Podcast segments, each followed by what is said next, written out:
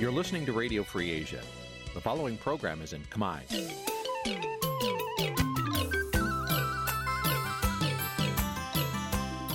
Nǐ chi càm bi tiệp xáy vệt chiu a zì sê ray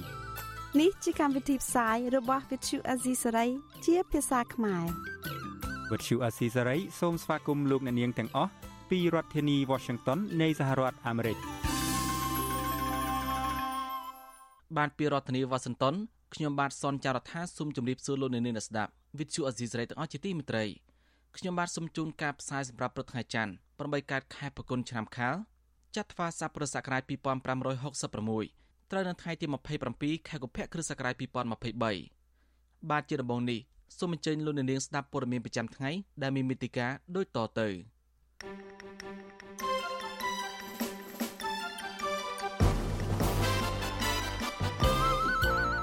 លោកហ៊ុនសែនប្រតិកម្មនៅនៃអត្ថាធិប្បាយតាមបណ្ដាញសង្គម Facebook លោកសុនណារ៉ាដែលស្នើធ្វើជាបេក្ខជននាយករដ្ឋមន្ត្រីចំនួនលោកក្រុមនិស្សិតថាលោកហ៊ុនសែនគូឆ្លៀកការនៃពិធីចែកសញ្ញាបត្រឲ្យនិស្សិតធ្វើប្រជាពិធដ្ឋហើយជេរគេជាឯងនោះទេលទ្ធផលតែអ្នកប៉ះផ្ទាល់ជាមួយអ្នកស្លាប់បញ្ជាក់ថាមិនមានមេរោគផ្ដាសាយបាក់សីកសិករមួយចំនួនត្អូញត្អែពីបន្លែគ្មានទីផ្សារ ស្របពេលការនាំចូលបន្លែជាទៅការឡើងរួមនឹងព័ត៌មានសំខាន់សំខាន់មួយចំនួនទៀត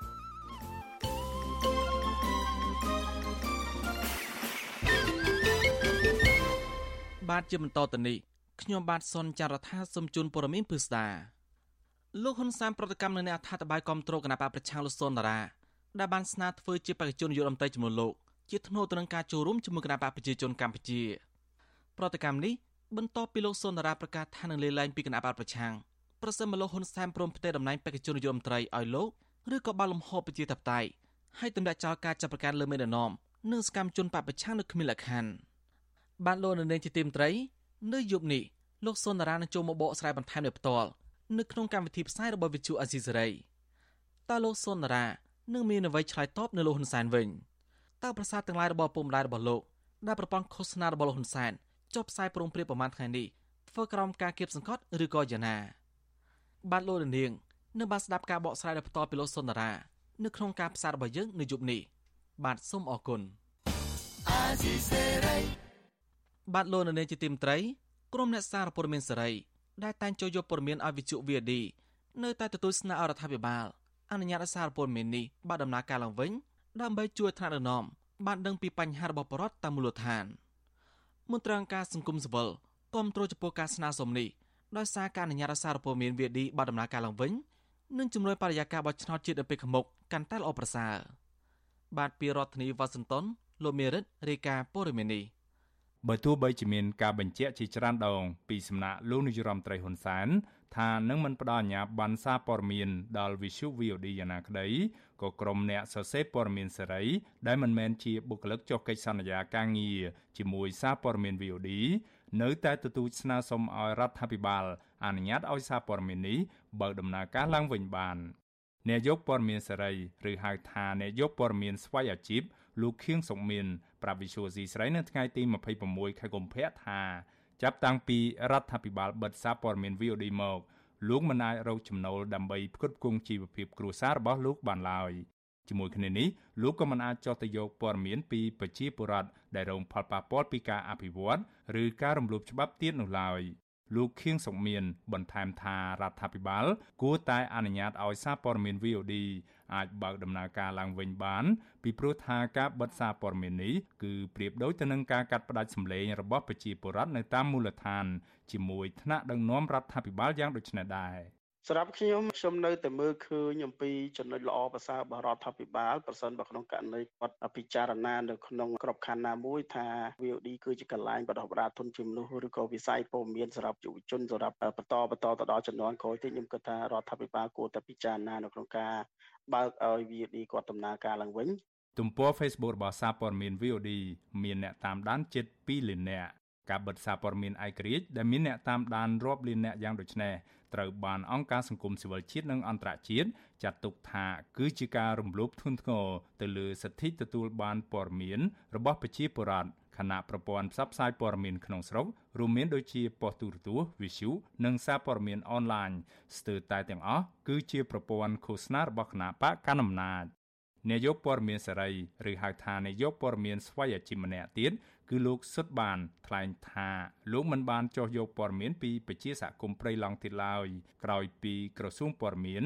ដកហូតអាជ្ញាប័ណ្ណសារព័ត៌មាន VOD លោកបានថែមថាកន្លងមក លោកតែងតែចោះយកព័ត៌មានអំពីការកាប់បំផ្លាញព្រៃឈើនានា នៅទូទាំងប្រទេសនិងបញ្ហាបរិស្ថានផ្សេងៗទៀត ក៏ប៉ុន្តែបច្ចុប្បន្ននេះលោកមិនអាចចោះយកព័ត៌មានបានទៀតឡើយព្រោះសារព័ត៌មានផ្សេងៗមិនទទួលយកព័ត៌មានបែបស៊ើបអង្កេតដែលលាតត្រដាងពីការកាប់បំផ្លាញព្រៃឈើពីឈ្មួញទុច្ចរិតនិងអាជ្ញាធរមានសមត្ថកិច្ចនោះឡើយលោកសុតបានបន្ថែមថាការចោះយកព័ត៌មានទាំងនេះគឺជាការជួយទៅដល់រដ្ឋាភិបាលឲ្យពង្រឹងគុណភាពការងាររបស់មន្ត្រីរាជការថ្នាក់ក្រោមនិងមិនមានចេតនានាំឲ្យរដ្ឋាភិបាលបាក់មុខមាត់នោះឡើយ ដូច្នេះលោកនៅតែសង្ឃឹមថារដ្ឋាភិបាលនឹងអនុញ្ញាតឲ្យសារព័ត៌មាន VOD បើកដំណើរការឡើងវិញបានយើងនៅតែសំណុំពរទទូចឲ្យរដ្ឋាភិបាលគាត់បើក VOD ឡើងវិញព្រោះអ្នកសារព័ត៌មានក៏ដោយពលរដ្ឋតែងតែទទូចថា VOD ជាសារបានព័ត៌មានមួយដែលយើងហៅថាឯករាជ្យអព្យាក្រឹតមិនលំអៀងមិនបំរើឲ្យនៅនៃការនយោបាយ ណាមួយជាដាច់ខាតគឺគ្រាន់តែជាផ្នែកជាចំោះជាកញ្ចក់ឆ្លោះពីបញ្ហាសង្គមប៉ុណ្ណោះដូច្នេះរដ្ឋាភិបាលមន្ត្រីពាក់ព័ន្ធគួរតែអនុគ្រោះបើកឲ្យស្ថាប័នមួយនេះមានដំណើរការមានជីវិតឡើងវិញដើម្បីជួយផ្សព្វផ្សាយពីបញ្ហាពិតនៅក្នុងសង្គមវិសុវស៊ីស្រីមិនអាចតាក់ទងប្រធានអង្គភិបអ្នកនាំពាក្យរដ្ឋាភិបាល លោកផៃស៊ីផាន ដើម្បីបកស្រាយជុំវិញរឿងនេះបាននៅឡើយទេនៅថ្ងៃទី26ខែកុម្ភៈ ជុំវិញរឿងនេះនាយកប្រតិបត្តិនៃសមាគមសម្ព័ន្ធអ្នកសារព័ត៌មានកម្ពុជាហៅកាត់ថាកម្ពុជាលោកណូវីគាំទ្រចំពោះការស្នើសុំឲ្យរដ្ឋាភិបាលអនុញ្ញាតឲ្យសារព័ត៌មាន VOD អាចដំណើរការឡើងវិញបាន លោកបានថែមថានៅពេលដែលសារព័ត៌មាន VOD ដំណើរការឡើងវិញនោះមិនត្រឹមតែអាចឲ្យថ្នាក់ដឹកនាំរដ្ឋាភិបាលខាងលើ បានដឹងពីសុខទុក្ខរបស់ប្រជាពលរដ្ឋតែប៉ុណ្ណោះទេក៏ប៉ុន្តែលោកថាថែមទាំងអាចនាំឲ្យបរិយាកាសបោះឆ្នោតថ្នាក់ជាតិនាពេលខាងមុខនេះកាន់តែល្អប្រសើរផងដែរ ការចូលរួមរបស់ VD នឹងធ្វើឲ្យដំណើរការនៃការបោះឆ្នោតហ្នឹងក៏កាន់តែមានទំនុកចិត្តទៅទៀតដោយសារតែយើងឃើញថាកន្លងមក VD ភាគច្រើនគាត់បានរាយការណ៍ព័ត៌មានរឿងអវិជ្ជមានផ្សេងផ្សេងដែលកើតមានឡើងអញ្ចឹងវាគួរតែជាផ្នែកមួយយ៉ាងសំខាន់ណាស់ហើយមួយវិញទៀតយើងក៏ឃើញដែរថា VD កន្លងមកដើរតួនាទីជាកញ្ចក់ឆ្លុះបញ្ចាំងអំពីបញ្ហាផ្សេងផ្សេងដែលកើតមានឡើងនៅក្នុងសង្គមហ្នឹងអញ្ចឹងបើកាលណាมันមានវត្តមាន VD វាធ្វើឲ្យបញ្ហាទាំងអស់ហ្នឹងវាអាចនឹងមិនត្រូវបានលើទៅដល់ប្រមុខដឹកនាំរដ្ឋាភិបាលអញ្ចឹងទៅនាយកព័ត៌មានស្វ័យអាជីពដែលយកព័ត៌មានឲ្យ Visu VOD មានចំនួនសរុប6នាក់ពួកគេមិនមានឈ្មោះនៅក្នុងបញ្ជីបុគ្គលិក VOD ទាំង56នាក់ដែលលោកហ៊ុនសែនផ្ដល់ឱកាសឲ្យដាក់ពាក្យចូលបម្រើការងារនៅក្នុងក្របខ័ណ្ឌរដ្ឋនោះឡើយគិតត្រឹមថ្ងៃទី26ខែកុម្ភៈមានបុគ្គលិក VOD សរុបចំនួន20នាក់ហើយដែលបានដាក់ពាក្យទទួលយកការងារក្របខ័ណ្ឌរដ្ឋ ពួកគេទាំងនោះភាគច្រើនគឺជាបុគ្គលិកផ្នែករដ្ឋបាល និងបច្ចេកទេសហើយមិនមែនជាអ្នកចោះយកព័ត៌មាននោះទេក្រុមអង្គការសង្គមសិវិជាតិនិងអន្តរជាតិនិងបណ្ដាប្រទេសនិយមលទ្ធិប្រជាធិបតេយ្យជាច្រើនបានថ្កោលទោសរដ្ឋាភិបាលលោកហ៊ុនសែនក្រោយពីលោកហ៊ុនសែនបានបញ្ជាឲ្យបិទសារព័ត៌មាន VOD យ៉ាងតក់ក្រហល់កាលពីថ្ងៃទី13ខែកុម្ភៈពួកគេលើកឡើងថាការបិទសារព័ត៌មានឯករាជ្យ VOD រំលោភច្បាប់ស្ដីពីរបបសារព័ត៌មាននេះ គឺជាចេតនាអាក្រក់របស់លោកនាយរដ្ឋមន្ត្រីហ៊ុនសែនដើម្បីលុបបំបាត់ស្ថាប័នព័ត៌មានដែលហ៊ានចុះផ្សាយពីចំណុចអវិជ្ជមាន និងអំពើពុករលួយក្រោមការដឹកនាំរបស់លោកនិងងាយស្រួលឲ្យលោកហ៊ុនសែនផ្ទេរអំណាចទៅដល់កូនប្រុសច្បងរបស់លោកគឺលោកហ៊ុនម៉ាណែតខ្ញុំបានមេរិត Visual C ស្រីពីរដ្ឋធានី Washington បានលោកនៅនាងជាទីមត្រីនិស្សិតមួយចំនួនលើកឡើងដូចគ្នាថានាយរដ្ឋមន្ត្រីហ៊ុនសែនមិនគួរយកពិធីចែកសញ្ញាបត្រឲ្យនិស្សិត ដើម្បីកេងចំណេញនយោបាយនោះទេក្រុមនិស្សិតថាដើម្បីបានជាប្រយោជន៍ដល់និស្សិតដែលទៅបញ្ចប់ការសិក្សាលោកហ៊ុនសែនឬក៏ក្រសួងអប់រំគូផ្ដល់វេទិកានេះដល់និស្សិតរៀមច្បងចែករំលែកបទពិសោធន៍ជោគជ័យក្នុងការសិក្សានិងការងារជាជាងការយកឱកាសនេះដើម្បីឃោសនារកការគ្រប់គ្រងពីក្រុមនិស្សិតនិងដើម្បីបញ្ចេញកំហឹងរបស់ខ្លួន បាទលោកនាងនឹងបានស្ដាប់សេចក្តីរាយការណ៍ពីរឿងនេះនៅពេលបន្តិចទៀតនេះបាទសូមអរគុណបាទលោកនាងជាទីមត្រី ព្រះសង្ឃមួយអង្គដែលបាននិមន្តចូលរួមធម្មយាត្រាលើកកម្ពស់សិលធម៌សង្គមជាមួយសមាគមគ្រូបង្រៀនកម្ពុជាឯករាជ្យនៅតែប្រកាន់ចំហស្វែងរកយុត្តិធម៌ដដែលបើទោះបីជាប្រជាអធិការវត្តបណ្ដេញព្រះអង្គចេញពីវត្តក៏ដោយបដិជនសយសាប្រាវិជូអេស៊ីសេរីថ្ងៃទី26កុម្ភៈថាបច្ចុប្បន្នព្រះអង្គគង់នៅព្រៃមួយកន្លែងនៅខេត្តស្វាយរៀងព្រះបន្តថានៅមិនតមានវត្តណាមួយព្រមទទួលព្រះអង្គគង់នៅនោះទេព្រះអង្គបញ្ជាក់ថាទ្រង់យល់ពីទុក្ខសោករបស់ប្រជារាស្ត្រដែលរងគ្រោះសារទង្វើយុត្តិធម៌ក្នុងសង្គម ទើបមិនអាចទ្រាំមើលទង្វើបែបនេះបានព្រះអង្គថានឹងនិមន្តធ្វើធម្មយាត្រាលើកកម្ពស់សិលធម៌សង្គមជាថ្មីម្ដងទៀតនៅពេលខាងមុខ។ ក៏អត់មានទញោមបានថាគ្មានបារម្ភព្រោះយើងជាសង្ឃយើងដឹងច្បាស់ថាយើងបួសដើម្បីអ្វីយើងជាអ្នកលាចាកាមគ្មានចិត្តសម្បែងព្រោះយើងបរិសុទ្ធទៅដោយសិលហើយឃើញទង្វើអយុត្តិធម៌ក្នុងសង្គមយើងរៀនប្រាប់ស្ដេចមន្ត្រីសេដ្ឋីឲ្យអ្នកមានឲ្យធ្វើនៅទង្វើល្អมันមានអ្វីខុសទេហើយគ្មានខ្លាចឬឬខ្លាចសម្លាប់ឬចាប់ដាក់គុកគឺពុំមានទល់តែសំញោមព្រោះអ្វីដែលអាត្មាបានកំណត់ខ្លួនឯងជាសង្ឃសងប្រុសស័តមនុស្សទូទៅបាច់មន្ត្រីស្ត្រីណាមានឲ្យយល់អំពីល្អក៏បើសង្គមមួយមានការគៀបសង្កត់គ្រប់បែបគ្រប់យ៉ាងទាំងអស់តើក្នុងនាមជាសង្ឃដែលឆាន់ចង្ហាន់ពុទ្ធបរិស័ទតើទ្រាំមើលនៅទង្វើអយុត្តិធម៌អមនុស្សធម៌បានទេបដិជគុណសយសាទត្រូវបានប្រជាតការវត្តបណ្ដឹងចេញពីវត្តក្រោយពីព្រះអង្គចូលរួមធម្មយាត្រាលើកកម្ពស់សិលធម៌សង្គមជាមួយសមាគមគ្រូបង្រៀនកម្ពុជាអគ្រីកាលពីពេលថ្មីថ្មីនេះព្រះអង្គត្រូវបានប្រជាតការវត្តចាប់ប្រកាន់ថាចូលរួមធម្មយាត្រាគឺបំផ្លាញសុខសន្តិភាព។ព្រះអង្គនឹងនិមន្តធ្វើធម្មយាត្រាដើម្បីលើកកម្ពស់សិលធម៌សង្គមជាថ្មីទៀតនៅដើមខែមីនាខាងមុខនេះ ធម្មយាត្រានឹងជាដំណើរពីទីលានប្រជាធិបតេយ្យទៅព្រំដែនថៃក្នុងគោលបំណងជំរុញរដ្ឋាភិបាលទម្លាក់ចោលការចាប់ប្រកាន់លើក្រុមអ្នកនយោបាយសកម្មជននិងបរិវត្តដែលតស៊ូមតិការពារផលប្រយោជន៍ជាតិប្រមាបានដាក់សេចក្តីជូនដំណឹងទៅក្រសួងមហាផ្ទៃទេដោយសារការសម្ដែងធម្មទេសនារបស់ព្រះសង្ឃមិនមានដែនកំណត់នោះទេព្រះអង្គត្រៃអស្វាគមពុទ្ធបរិស័ទចូលរួមធម្មយាត្រានេះ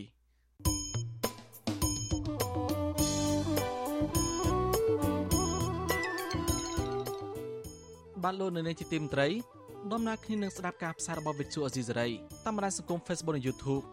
លោកនៅនាងក៏អាចស្ដាប់ការផ្សាយរបស់វិទ្យុអេស៊ីសេរីតាមវិទ្យុរលកធាតុអាកាសខ្លីឬ Shortwave តាមកម្រិតនិងកម្ពស់ដូចតទៅនេះ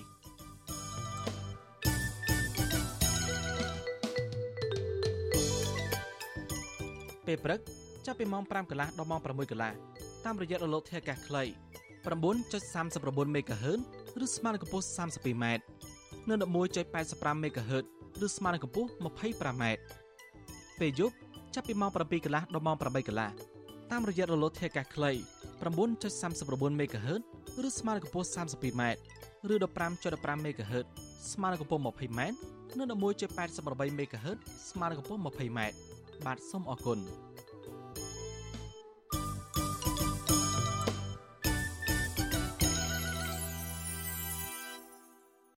បានដូរនៅនាងជាទីមត្រីក្រមបរិសកម្មក្រុងដារដង្ហែក្បួនដាក់ញត្តិជាលើដំបូងទៅក្រសួងចំនួន2ដើម្បីស្នើបញ្ឈប់ការចេញបានស្នាក់នៅអចិន្ត្រៃយ៍ដល់ប្រវត្តិវៀតណាមនិងការដាក់បញ្ចូលភាសាវៀតណាមនៅសាកលវិទ្យាល័យភូមិន្ទភ្នំពេញបើទោះបីជាពួកគេត្រូវប្រឈមនឹងការព្រមានចាប់ខ្លួនពីអាជ្ញាធរសាលារដ្ឋាភិបាលភ្នំពេញក្តីសង្គមស៊ីវិលលើកឡើងថាច្បាប់រដ្ឋធម្មនុញ្ញគឺអនុញ្ញាតពលរដ្ឋមានសិទ្ធិប្រមូលផ្ដុំឬក៏ដើរដង្ហែក្បួនដោយសន្តិភាព បាទពីរដ្ឋធានីវ៉ាស៊ីនតោនលោកជីវតារាយការណ៍ព័ត៌មាននេះ ក្រមប្រជាពលរដ្ឋសកម្មបានអំពាវនាវដល់ប្រជាពលរដ្ឋផ្សេងទៀតឲ្យចូលរួមដើរដង្ហែក្បួនដាក់ញត្តិឲ្យបានច្រើនកុះកនៅពេលខាងមុខដែលនឹងធ្វើដំណើរចាក់ចេញពីរមណីយដ្ឋានវត្តភ្នំទៅក្រសួងមហាផ្ទៃនិងក្រសួងអប់រំយុវជននិងកីឡាដើម្បីស្នើឲ្យមានការបញ្ឈប់ការចេញបានស្នាក់នៅអចិន្ត្រៃយ៍ដល់ជនអន្តោប្រវេសន៍វៀតណាមនិងបញ្ឈប់ការសាងសង់អគារសិក្សាអក្សរសាស្ត្រវៀតណាមនៅសាកលវិទ្យាល័យភូមិន្ទភ្នំពេញ។ ប្រធានក្រុមកូនខ្មែរអ្នកស្នេហាជាតិឬក្រុមពលរដ្ឋសកម្មលោកអ៊ុំឈុំប្រវិទ្យុអាស៊ីសេរីនៅថ្ងៃទី26កុម្ភៈថា ការដើរដង្ហែក្បួនលើកដំបូងនេះនឹងអាចធ្វើឡើងនៅខែខាងមុខឬខែបន្ទាប់ប្រសិនបើសំណូមពររបស់ពួកគេមិនត្រូវបានយកចិត្តទុកដាក់ដោះស្រាយពីក្រសួងពាក់ព័ន្ធលោកបន្តថា ការដើរដង្ហែក្បួននឹងធ្វើឡើង បើទោះជាលោកកើតឆែអភិបាលរងរាជធានីភ្នំពេញបានប្រមានចាត់វិធានការក្តីគាត់បានឆ្លើយថាគឺអត់បានជាដាច់ខាតបើសិនជាយើងហ៊ានធ្វើបែបនេះគឺគេនឹងចាត់វិធានការច្បាប់ដើម្បីមកចាត់ការជាមួយនឹងយើងហើយគេបានប្រមានថាកុំព្យាយាមផ្លុំភ្លើង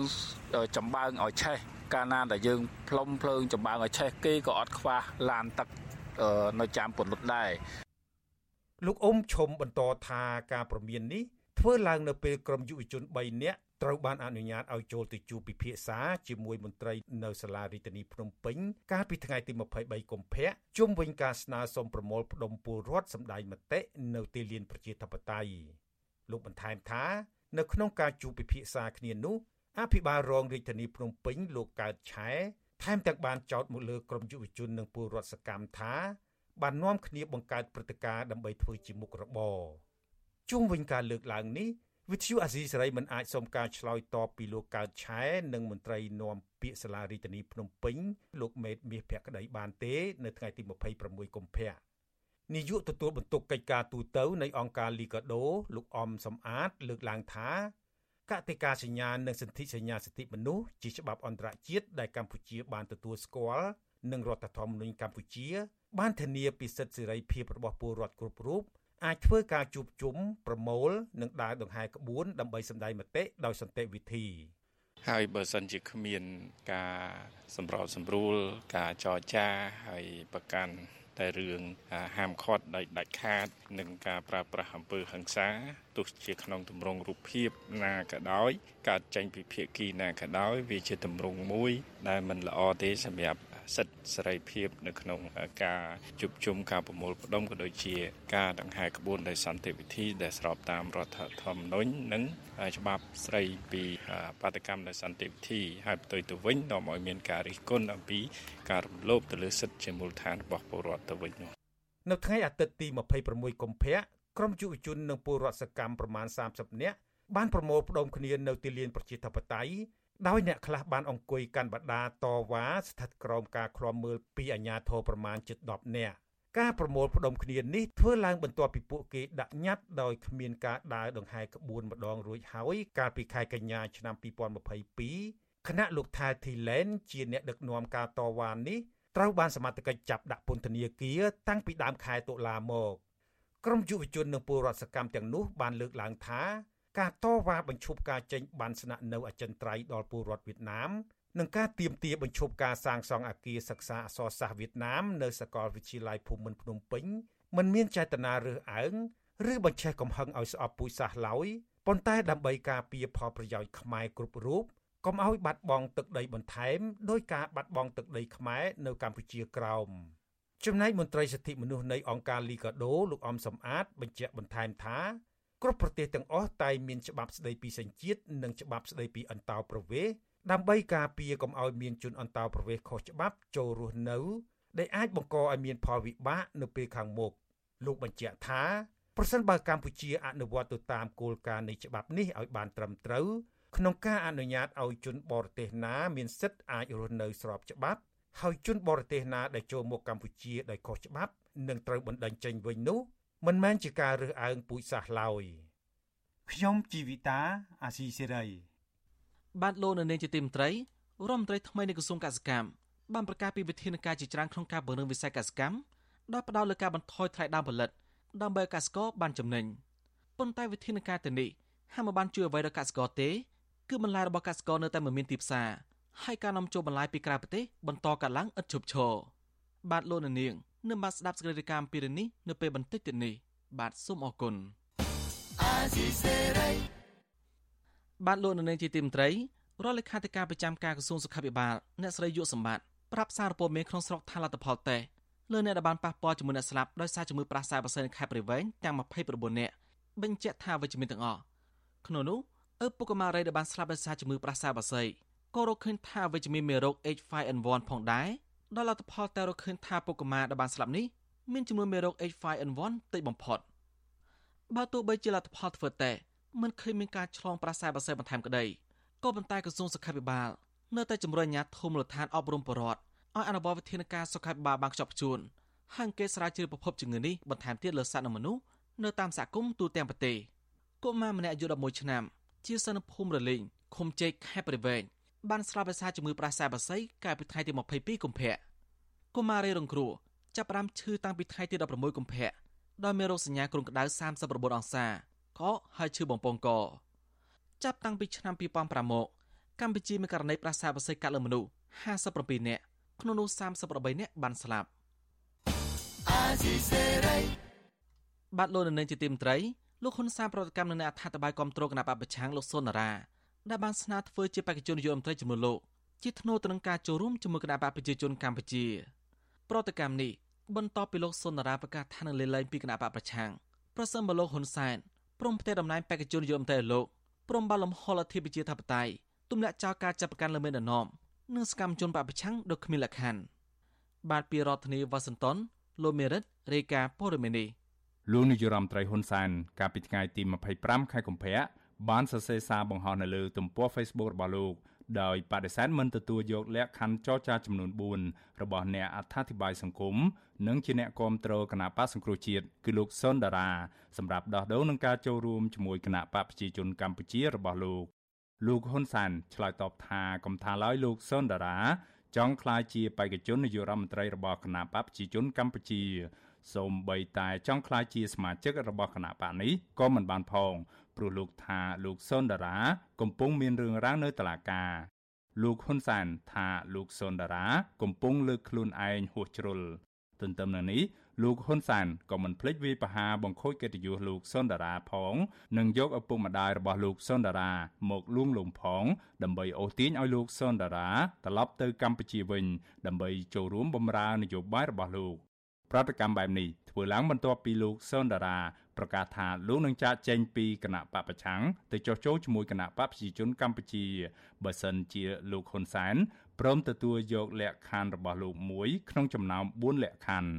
លោកសុនដារាថ្លែងសារតាមរយៈវីដេអូជាង1ម៉ោងកន្លះ ផ្សព្វផ្សាយតាមទំព័រ Facebook កាលពីថ្ងៃទី25ខែកុម្ភៈឲ្យដឹងថាលោកស្នើធ្វើជាបេក្ខភាពនាយករដ្ឋមន្ត្រីជំនួសឲ្យលោកហ៊ុនសានឬស្នើបើកលំហប្រជាធិបតេយ្យឡើងវិញ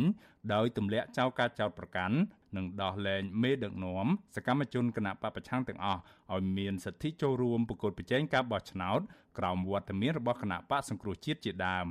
ខ្ញុំចូលទៅគណៈបកប្រជាជនប៉ុន្តែខ្ញុំចង់បានបេក្ខភាពនាយករដ្ឋមន្ត្រីបើសិនជាសនរាត្រូវបានគណៈបកប្រជាជនជ្រើសតាំងជាបេក្ខភាពនាយករដ្ឋមន្ត្រី ជាផ្លូវការខ្ញុំនឹងបោះបង់ចោលគណៈបកសង្គ្រោះជាតិពីព្រោះខ្ញុំជាឥន្ទ្រីខ្ញុំព្រះជាម្ចាស់បង្កើតមកជាអ្នកដឹកនាំមិនមែនជាអ្នកដើរតាមសម្ដេចទេវិសុវស៊ីស្រីមិនអាចតាក់ទងលោកសុនដារាដើម្បីសុំប្រតិកម្មរបស់លោកជុំវិញការបដិសេធរបស់លោកហ៊ុនសែននេះបាននៅឡើយទេនៅថ្ងៃទី26ខែកុម្ភៈលោកនាយរដ្ឋមន្ត្រីហ៊ុនសែនកំពុងអូសទាញនិងគម្រាមកំហែងលោកសុនដារាឲ្យងាកមកគ្រប់គ្រងលោកវិញដោយយកលេសថាលោកសុនដារាមិនស្ដាប់បង្គាប់ឪពុកម្ដាយទោះយ៉ាងណាលោកសុនដារាបានចាត់ទុកទង្វើរបស់រដ្ឋាភិបាលលោកហ៊ុនសែនដែលយកគ្រួសារធ្វើជាចំណាប់ខ្មាំងឲ្យវាយប្រហារនេះ ថាគឺជារឿងអមនុស្សធម៌និងជាឧក្រិដ្ឋកម្មប្រឆាំងមនុស្សជាតិហើយលោកនឹងដាក់បណ្ដឹងជុំវិញករណីនេះទៅរដ្ឋាភិបាលបារាំងសហភាពអឺរ៉ុបនិងអង្គការសហប្រជាជាតិនាពេលឆាប់ៗនេះ តារារឿងនយោបាយទេប៉ុន្តែពុកដៃខ្ញុំមនុស្សជាតិក៏មានអ្នកនយោបាយផងគាត់ជាមន្ត្រីរាជការម្ដាយខ្ញុំជាកសិករដាំស្ទូងស្រូវឯណាពុកខ្ញុំជាអ្នកបម្រើគណៈបព្វជិជនហើយជាមន្ត្រីយោធាដ៏ល្អឆ្លងកាត់គ្រប់សមរភូមិហើយអ្នកឯងទៅធ្វើបាបទៅចាក់ធ្វើចំណាត់ខ្មាំងកំសម្លឹកកំពីកំហែងអានេះវាមនុស្សជាតិនឹងខ្ញុំសូមអំពាវនាវឲ្យពិភពលោកទាំងមូលជាពិសេសសហភាពអឺរ៉ុបអង្គការសហប្រជាជាតិដែលមានទូនាទីជាពិសេសសហរដ្ឋអាមេរិក ដែលមានទូនាទីដើរតួសំខាន់នៅក្នុងការប្រឆាំងទៅនឹងអំពើភេរវកម្មនឹងមេត្តាចូលរួមដើម្បីទប់ស្កាត់ឲ្យប្រជាជនកម្ពុជាទាំងអស់ចូលរួមដើម្បីទប់ស្កាត់ព្រោះដើម្បីសន្តិសុខដើម្បីសេរីភាពយើងទាំងអស់គ្នារដ្ឋធម្មនុញ្ញមេត្រា31ចែងថាប្រជាពលរដ្ឋខ្មែរគ្រប់រូបមានភាពស្មើគ្នានៅចំពោះមុខច្បាប់មានសិទ្ធិសេរីភាពនិងករណីយកិច្ចដូចគ្នាទាំងអស់ដោយឥតប្រកាន់ពូជសាសន៍ពណ៌សម្បុរភេទភាសា ជំនឿសាសនានិន្នាការនយោបាយដើមកំណើតឋានៈសង្គម ធនធានឬស្ថានភាពឯទៀតឡើយកន្លងទៅថ្មីថ្មីនេះនៅពេលដែលក្រុមអ្នកតស៊ូនៅក្រៅប្រទេសរិះគន់លោកហ៊ុនសែនម្ដងម្ដងលោកហ៊ុនសែនបាននិយាយទាំងកំហឹងថាបើទោះជាអ្នករិះគន់ទាំងនោះរស់នៅក្រៅប្រទេសដែលលោកមិនអាចតាមចាប់ដាក់គុកបានយ៉ាងណាក្តីក៏លោកអាចបញ្ជាឲ្យសមត្ថកិច្ចស្វែងរកសាច់ញាតិឬឪពុកម្ដាយរបស់អ្នកទាំងនោះបានដែរ ក្រោយការប្រមានរបស់លោកហ៊ុនសែនបែបនេះសមាជិកក៏បានចុះទៅដល់ផ្ទះឪពុកម្ដាយនៃអ្នករិះគន់ពីក្រៅប្រទេសជាបន្តបន្ទាប់ដូចជាឪពុកម្ដាយរបស់លោកសួងនេពន្ធនិងឪពុកម្ដាយរបស់លោកសុនដារានេះជាដើម ជុំវិញរឿងនេះអ្នកស្រាវជ្រាវការអភិវឌ្ឍសង្គមបណ្ឌិតសេងសេរី មានប្រសាសន៍ថាលោកសុនដារាគឺជាឃោសនិកចុងក្រោយដ៏មានប្រជាប្រិយភាពរបស់អ្នកប្រជាធិបតេយ្យឬអ្នកតស៊ូដែលមានអធិបុលមកលើផ្នត់គំនិតមហាជនឲ្យមើលឃើញនៅចំណុចអវិជ្ជមានជុំវិញការដឹកនាំរបស់រដ្ឋាភិបាលលោកហ៊ុនសែនបច្ចុប្បន្ននេះ លោកថាហេតុផលនេះហើយដែលបានធ្វើឲ្យលោកសុនដារាកំពុងក្លាយជាគោលដៅសំខាន់របស់លោកនាយរដ្ឋមន្ត្រីហ៊ុនសែនដែលត្រូវប្រើប្រាស់យុទ្ធសាស្ត្រនយោបាយពីរក្នុងពេលតែមួយគឺគម្រាមកំហែងគ្រួសារនិងយកឪពុកម្ដាយធ្វើជាចំណាប់ខ្មាំង ដើម្បីអូសទាញឲ្យចុះចូលជាមួយគណៈបកប្រជាជនកម្ពុជារបស់លោកមិនមែនជារឿងចៃដន្យទេដែលលោកនាយករដ្ឋមន្ត្រីហ៊ុនសែនបានព្យាយាមតាក់ទាញលោកសុនដារាដោយសារតែយើងឃើញថាបើយើងនិយាយពីបណ្ដាញសារព័ត៌មានសំខាន់សំខាន់ចុងក្រោយរបស់តស៊ូប្រឆាំងជាមួយនឹងរដ្ឋាភិបាលហ្នឹងគឺ VOD ត្រូវបានរំលាយហើយក្រោយពីរំលាយ VOD ភ្លាមភ្លាមហ្នឹងគឺនៅមានលោកសុនដារាហ្នឹងឯងលោកសុនដារានឹងក្លាយទៅជាគោលដៅរបស់គណៈបកកណ្ដាលអំណាចជាពិសេសរបស់លោកនាយករដ្ឋមន្ត្រីហ៊ុនសែននៅក្នុងការតាក់ទាញលោកសុនដារាឲ្យចូលជាមួយគណៈបកប្រជាជនបាទមន្ត្រីគណៈបពប្រឆាំងនិងមន្ត្រីសង្គមស៊ីវិលមើលឃើញថាលោកហ៊ុនសែនកំពុងប្រើប្រាស់អំណាចធនធានរដ្ឋដើម្បីប្រព្រឹត្តអំពើពុករលួយនយោបាយយ៉ាងសកម្មជាក់ស្ដែងលោកហ៊ុនសែនបានព្យាយាមបញ្ចុះបញ្ចូលលួងលោមនិងគំរាមកំហែងផងឲ្យក្រុមអ្នកដែលរិះគន់លោកទាំងនៅក្នុងប្រទេសនិងក្រៅប្រទេសដូចជាអ្នករិះគន់តាមបណ្ដាញសង្គមអ្នកសារព័ត៌មាន គ្រូបង្រៀនសកម្មជននយោបាយបពប្រឆាំងនិងសកម្មជនសង្គមជាដើម ឲ្យបដូរជំហរមកបម្រើផលប្រយោជន៍នយោបាយដល់ក្រុមគ្រួសាររបស់លោកជាដើមខ្ញុំបាទមេរិត Visual C ស្រីពីរដ្ឋធានី Washington បានលោកនៅនាងជាទីមត្រី នៅយប់នេះលោកសុនដារានឹងចូលមកបកស្រាយបន្ថែមនៅផ្ទាល់នៅក្នុងកម្មវិធីផ្សាយរបស់ Visual Asia សេរីតើលោកសុនដារានឹងមានអ្វីឆ្លើយតបនៅលោកហ៊ុនសែនវិញតើប្រសាទទាំងឡាយរបស់ពុំម្ដាយរបស់លោកដែលប្រព័ន្ធឃោសនារបស់លោកហ៊ុនសែនចុះផ្សាយព្រមព្រៀងប្រមាណថ្ងៃនេះ ធ្វើក្រោមការគៀបសង្កត់ឬក៏យ៉ាងណាបាទលោកនាងនៅបានស្ដាប់ការបកស្រាយរបស់តពីលោកសុនដារានៅក្នុងការផ្សាយរបស់យើងនៅយប់នេះបាទសូមអរគុណបាទលោកនាងជាទីមត្រីរដ្ឋមន្ត្រីថ្មីនៃក្រសួងកសិកម្មបានប្រកាសពីវិធានការជាច្រើនក្នុងការពង្រឹងវិស័យកសិកម្មដោយផ្ដោតលើការបន្ថយថ្លៃដើមផលិត ដើម្បីឲ្យកសិករបានចំណេញប៉ុន្តែវិធានការទៅនេះហាក់មិនបានជួយអ្វីដល់កសិករទេគឺបន្លែរបស់កសិករនៅតែមិនមានទីផ្សារ ហើយការនាំចូលបន្លែពីក្រៅប្រទេសបន្តកើនឡើងឥតឈប់ឈរបាទពីរដ្ឋធានីវ៉ាស៊ីនតោនអ្នកស្រីសុជីវីរាយការណ៍ព័ត៌មាននេះកសិករអះអាងថា បន្លែដែលពួកគាត់ដាំដុះបាន មានតម្លៃមិនទៀងទាត់ ពេលខ្លះលក់បានតម្លៃទាបហើយពេលខ្លះទៀតក៏មិនមានអ្នកទទួលទិញតែម្ដងធ្វើឲ្យជីវភាពពួកគាត់ជួបការលំបាកវេទនាខ្លាំងទន្ទឹមនឹងការត្អូញត្អែររបស់កសិករនេះក្រសួងកសិកម្មអះអាងថា រដ្ឋាភិបាលអនុញ្ញាតឲ្យនាំចូលបន្លែនៅក្នុងមួយថ្ងៃប្រមាណ2500តោនព្រោះនៅក្នុងស្រុកដាំដុះមិនអាចផ្គត់ផ្គង់គ្រប់គ្រាន់ជាអ្នកដាំបន្លែខ្លួនឯងផងនិងជាអ្នកប្រមូលទិញបន្លែពីកសិករដើម្បីយកទៅលក់បន្តផងលោកស្រីសែមសុភាថ្លែងថាកសិករជួបការលំបាកខ្លាំងដោយសារថ្លៃដើមនៃការផលិតខ្ពស់ចំណាយបន្លែដែលពួកគាត់ប្រឹងប្រែងដាំដុះបានបែរជាលក់នៅក្នុងតម្លៃទាប លោកស្រីសែមសុភាប្រមូលទិញបន្លែពីកសិករនៅស្រុកស្អាង និងស្រុកកោះធំខេត្តកណ្ដាលដើម្បីលក់នៅក្នុងទីផ្សារនៅក្នុងមូលដ្ឋាននោះមួយផ្នែកនិងមួយផ្នែកទៀតបញ្ជូនទៅលក់នៅរាជធានីភ្នំពេញប៉ុន្តែអ្នកស្រីថាដោយសារតែកសិករខាតបង់ជាបន្តបន្ទាប់ហើយបំណុលចេះតែកើនឡើង ធ្វើឲ្យកសិករភៀកច្រើនឈប់ដាំដុះហើយងាកទៅរករបរផ្សេងវិញបើថារឿងឲ្យគាត់ ដាំដុះដាំបន្លែដាំអីអ្នកអ្នកគាត់បាក់ឲ្យគាត់មិនចង់ដាំអីបើគាត់នៅនៅព្រៃតុកហ្នឹងជួជួគាត់ព្រមិញចរចាដែរគាត់ថាគាត់បាក់ឲ្យគាត់លេងដាំឲ្យគាត់ដាំព្រៃក្តៅគាត់ខាតអស់4000ណា4000ដុល្លារគាត់ថាហ្នឹងចំណាយរូបវិញបានគាត់ថាកាំងគាត់ថោកដែរនោះ1គីឡូគាត់បាន1000ហ្នឹងតែពេលទូទាត់ទៅវាលួយថ្លៃខ្លះហ្មងកាត់ទៅវាយូរអញ្ចឹងពេលថោកឲ្យកាត់កាត់អត់តិចទៀតមិនថោកឲ្យយើងកាត់អស់សោនកាត់អស់គ្រប់អូនណាលោកស្រីឲ្យដឹងទៀតថា តម្លៃបន្លែប្រែប្រួលតាមតែការកំណត់ពីឈ្មួញនៅភ្នំពេញគឺពេលណាបន្លែនាំចូលពីក្រៅប្រទេសច្រើនបន្លែនៅក្នុងស្រុកធ្លាក់តម្លៃភ្លាមហើយថាបន្ទាប់ពីធ្លាក់ថ្លៃហើយគឺមិនងាយឡើងវិញរួចទេកសិករម្នាក់ទៀតនៅខេត្តស្វាយរៀងលោកស្រីខៀវសរុនឲ្យដឹងថាលោកស្រីដាំបន្លែប្រមាណ10ប្រភេទជាង10ឆ្នាំមកហើយលោកស្រីថាបន្លែដែលគាត់ដាំលើផ្ទៃដីជាង1ហិកតា បានផលយកទៅលក់នៅផ្សាររាល់ព្រឹក លោកស្រីបន្តថាពួកគាត់យកចិត្តទុកដាក់ថែរក្សាបន្លែការពារពីសត្វល្អិត ដោយចំណាយទៅលើថ្លៃជីថ្នាំប្រេង និងថ្លៃភ្ជួររាស់ជាដើមប៉ុន្តែដល់ផលយកមកលក់នៅក្នុងតម្លៃទាបធ្វើឲ្យរូបគាត់និងកសិករផ្សេងទៀតបាក់ទឹកចិត្តលើមុខរបរនេះលោកស្រីអំពីវនីវឲ្យអាជ្ញាធរពាក់ព័ន្ធយកចិត្តទុកដាក់នៅក្នុងការរកទីផ្សារហើយលោកស្រី នៅតែប្រឹងប្រែងដាំដុះបន្តទៀតព្រោះលោកស្រីបារម្ភពីបញ្ហាសុខភាព បើពលរដ្ឋខ្មែរនាំគ្នាបោះបង់មុខរបរនេះហើយទិញបន្លែនាំចូលពីក្រៅប្រទេសមកបរិភោគបាទនិយាយមែនតើទៅវាហោកតែខ្ញុំនៅតែចង់ឲ្យពួកគាត់ធ្វើមុខរបរនឹងដដែលព្រោះបើយើងបើយើងនិយាយអមមែនតើទៅវាតម្លៃទីផ្សារវាស្ទឹងប៉ុន្តែអ្វីដែលយើងសំខាន់គឺសុខភាពរបស់យើងនៅពេលដែលយើងធ្វើខ្លួនឯងគឺយើងដឹងថាបន្លែហ្នឹងវា100%សុទ្ធអីចឹងណាធម្មជាតិអីចឹងកសិករនៅខេត្តកណ្ដាលម្នាក់ទៀតលោកញៀបតៃសុងថ្លែងថា បើបញ្ហាបន្លែនៅតែបន្តមិនមានទីផ្សារដោយបច្ចុប្បន្ននេះទៀតគឺកសិករនៅតំបន់លោកអាចនឹងលក់ដី ហើយរៀបចំឲ្យកូនចៅចំនួនក្រោយរកការងារផ្សេងដើម្បីចិញ្ចឹមជីវិតវិញដណ្ដាបទៅដណ្ដាបទៅដណ្ដាបទៅទីទៀតលក់ដីលក់អីអស់ហើយលក់អត់មានអីលក់រលក់មិនដាច់ទេដីវាថាអីអ្នកគេក៏មិនដឹងថាចេញមកទៅអីដីស្រុកសកាខ្ញុំតិចតិចវាថ្លៃហើយអត់មានរីចម្រើនទេមានតែផ្សាយធនទៅផ្សាយធនទៅមានតែថាកាកូនចៅវាខំរៀនរយខំរៀនខំធ្វើការណាឆ្ងាយឆ្ងាយគ្រាន់បើនៅយការនេះងាប់អស់ហើយកន្លងទៅ បញ្ហាបន្លែមានតម្លៃទាបឬមិនមានទីផ្សារលក់ហើយមានកសិករខ្លះថតបង្ហាញពីការចាក់ចោលបន្លែតាមបឹងស្ទឹង និងព្រែកនោះគឺតែងតែកើតមានជាញឹកញាប់រាល់ខែរាល់ឆ្នាំ នៅក្នុងខែកុម្ភៈឆ្នាំ2023នេះកសិករ ថាបន្លែមួយចំនួន មានដូចជាសាឡាត់ស្ពៃក្តោបត្រកួនស្ពៃខ្មៅនិងស្ពៃតឿជាដើមធ្លាក់ថ្លៃដល់ចន្លោះពី300រៀលទៅដល់800រៀលនៅក្នុង1គីឡូហើយមួយចំនួនត្រូវព្យួរចោលព្រោះឈ្មួញទិញមិនអស់